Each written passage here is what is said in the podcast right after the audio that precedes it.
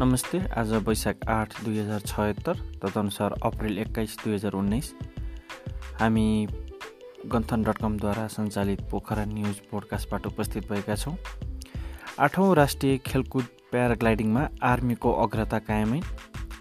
गण्डकी प्रदेशका सांसदले दुई करोड बाँड्न बजेटमा व्यवस्थापन गर्ने। आफ्नै भवनबाट पद्म नर्सिङ होमको सेवा सुरु। र सरकारी सरकारी विद्यालयमा आकर्षण बढ्दो।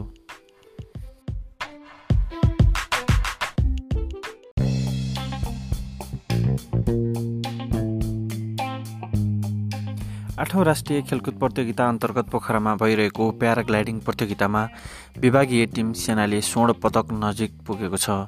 दुई दिनसम्मको प्रतिस्पर्धामा महिला तथा पुरुषतर्फ सेनाको अग्रता कायम रहेको छ। प्रतियोगितामा एक्युरेसी र क्रस कन्ट्रीमा महिला तथा पुरुषका प्रतियोगिता चलिरहेका छन्। सोमबार पदकको टुङ्गो लाग्नेछ आइतबार एक्युरेसीतर्फ चारवटा चरण सकिँदासम्म महिला तथा पुरुष दुवैतर्फ विभागीय टिम आर्मीले अग्रता लिएको छ। पुरुषतर्फ टिम एकुरेसीमा एक सय पैँतालिस अङ्कका साथ आर्मी पहिलो स्थानमा रहेको छ।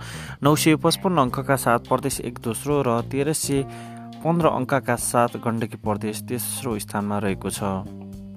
त्यस्तै इन्डिभिजुअल एकुरेसीतर्फ पहिलो र दोस्रो स्थान पनि आर्मीले लिएको छ। गण्डकी प्रदेशका सांसदले आफू खुसी बजेट बाँड्न पाउने भएका छन्। प्रदेश सरकारले आगामी आर्थिक वर्षबाट सांसद विकास कोष शीर्षकमा हरेक सांसदलाई दुई करोड विनियोजन गर्न तयारी गरेको छ। यति नै भन्ने छैन केन्द्रले चार करोड दिन्छ हामीले पनि दुई करोड दिने होला मुख्यमन्त्री पृथ्वी सुब्बा गुरुङले भने। सांसदहरूको दबाव र अरू प्रदेशले पनि सांसद विकास कोषबाट बजेट बाँडेका कारण आफूहरूले रोक्न नसकेको उनले सुनाए। व्यक्तिले पैसा बाँड्ने त होइन यो सिस्टम गलत हो तर पाँच छ सात प्रदेशतिर माननीय जीवहरू घुम्नुभयो त्यतातिर अथाह सुविधा छ उनीहरू भन्छन् हामीले सुविधा दिन नसकेको पनि छैन सांसद विकास कोष मार्फत बजेट दिने कि भन्ने सोचेका छौँ। निर्वाचन क्षेत्रमा हुने सानातिना आयोजना र कार्यक्रममा खर्च गर्ने गरी बजेटको व्यवस्थापन गर्न लागेको उनले सुनाए। सरकारले घोषणा गरेको भर्ना अभियानसँगै सामुदायिक विद्यालयमा विद्यार्थीको आकर्षण बढ्दो छ निजी शिक्षा महँगो हुँदै गएको र सरकारी विद्यालयमा शैक्षिक गुणस्तर बढ्दै गएका कारण पनि सरकारी विद्यालयप्रति विद्यार्थीको आकर्षण बढेको हो। निजी विद्यालयले शैक्षिक शुल्कका नाममा अभिभावकको ढाड सेकिरहेकै बेला कास्कीमा केही नाम चलेका सामुदायिक विद्यालयमा भने विद्यार्थीको चाप हत्तै बढेको देखिन्छ। जिल्लाकै उत्कृष्ट सामुदायिक विद्यालयको रूपमा ख्याति कमाएको बाटुले चौर स्थित बिन्दवासिनी माविमा पनि भर्ना अभियानसँगै विद्यार्थी भर्ना गर्न भ्याइ नभ्याइ छ।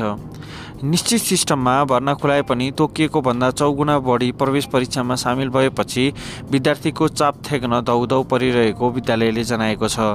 उत्कृष्ट भनिएका निजी विद्यालयबाट नै अधिकांश विद्यार्थी परीक्षामा सहभागी सहभागी भएको प्रधानाध्यापक कृष्णप्रसाद आचार्यले जानकारी दिनुभयो। भर्नाका लागि त्यस विद्यालयमा के Pragati Pokhara academy Riverdale Gorkha boarding Suryodaya Suryodaya लगायतका निजी विद्यालयबाट सहभागी भए पनि केही विद्यार्थीले त नाम पनि निकाल्न सकेनन्। पद्म नर्सिङ होम प्रणालीले पोखराको नदीपुरमा रहेको आफ्नै भवनबाट सेवा सुरु गरेको छ। हालसम्म पोखराको न्यु रोडमा भाडाको घरमा सञ्चालनमा रहेको नर्सिङ होमले आइतबारबाट पोखरा महानगरपालिका वडा नम्बर तिन नदीपुरमा आफ्नै रहेको भवनबाट नियमित सेवा सुरु गरेको हो। पद्म नर्सिङ होम प्रालीका संस्थापक अध्यक्ष एवं वरिष्ठ चिकित्सक डाक्टर कुमार शमशेर राणाले बिरामीको जाँच गरेर नदीपुरबाट नियमित सेवाको सुरुवात गरेका हुन्। पोखराको न्युरोनमा रहेको पद्म नर्सिङ होम विगत एक दशकभन्दा लामो समयदेखि बन्द रहेको बुद्ध अस्पतालसँग दुई वर्ष पहिले मर्ज भएपछि नर्सिङ होमले आफ्नो स्वामित्वमा रहेको साबिकको बुद्ध अस्पतालकै भवनबाट सेवा सुरु गरेको हो। आफ्नै भवनबाट नियमित सेवाहरू सुरु गरेको पद्म नर्सिङ होमले नेपाल सरकारबाट पचास बेडको स्वीकृति लिएर सेवा सञ्चालन गरिरहेको छ।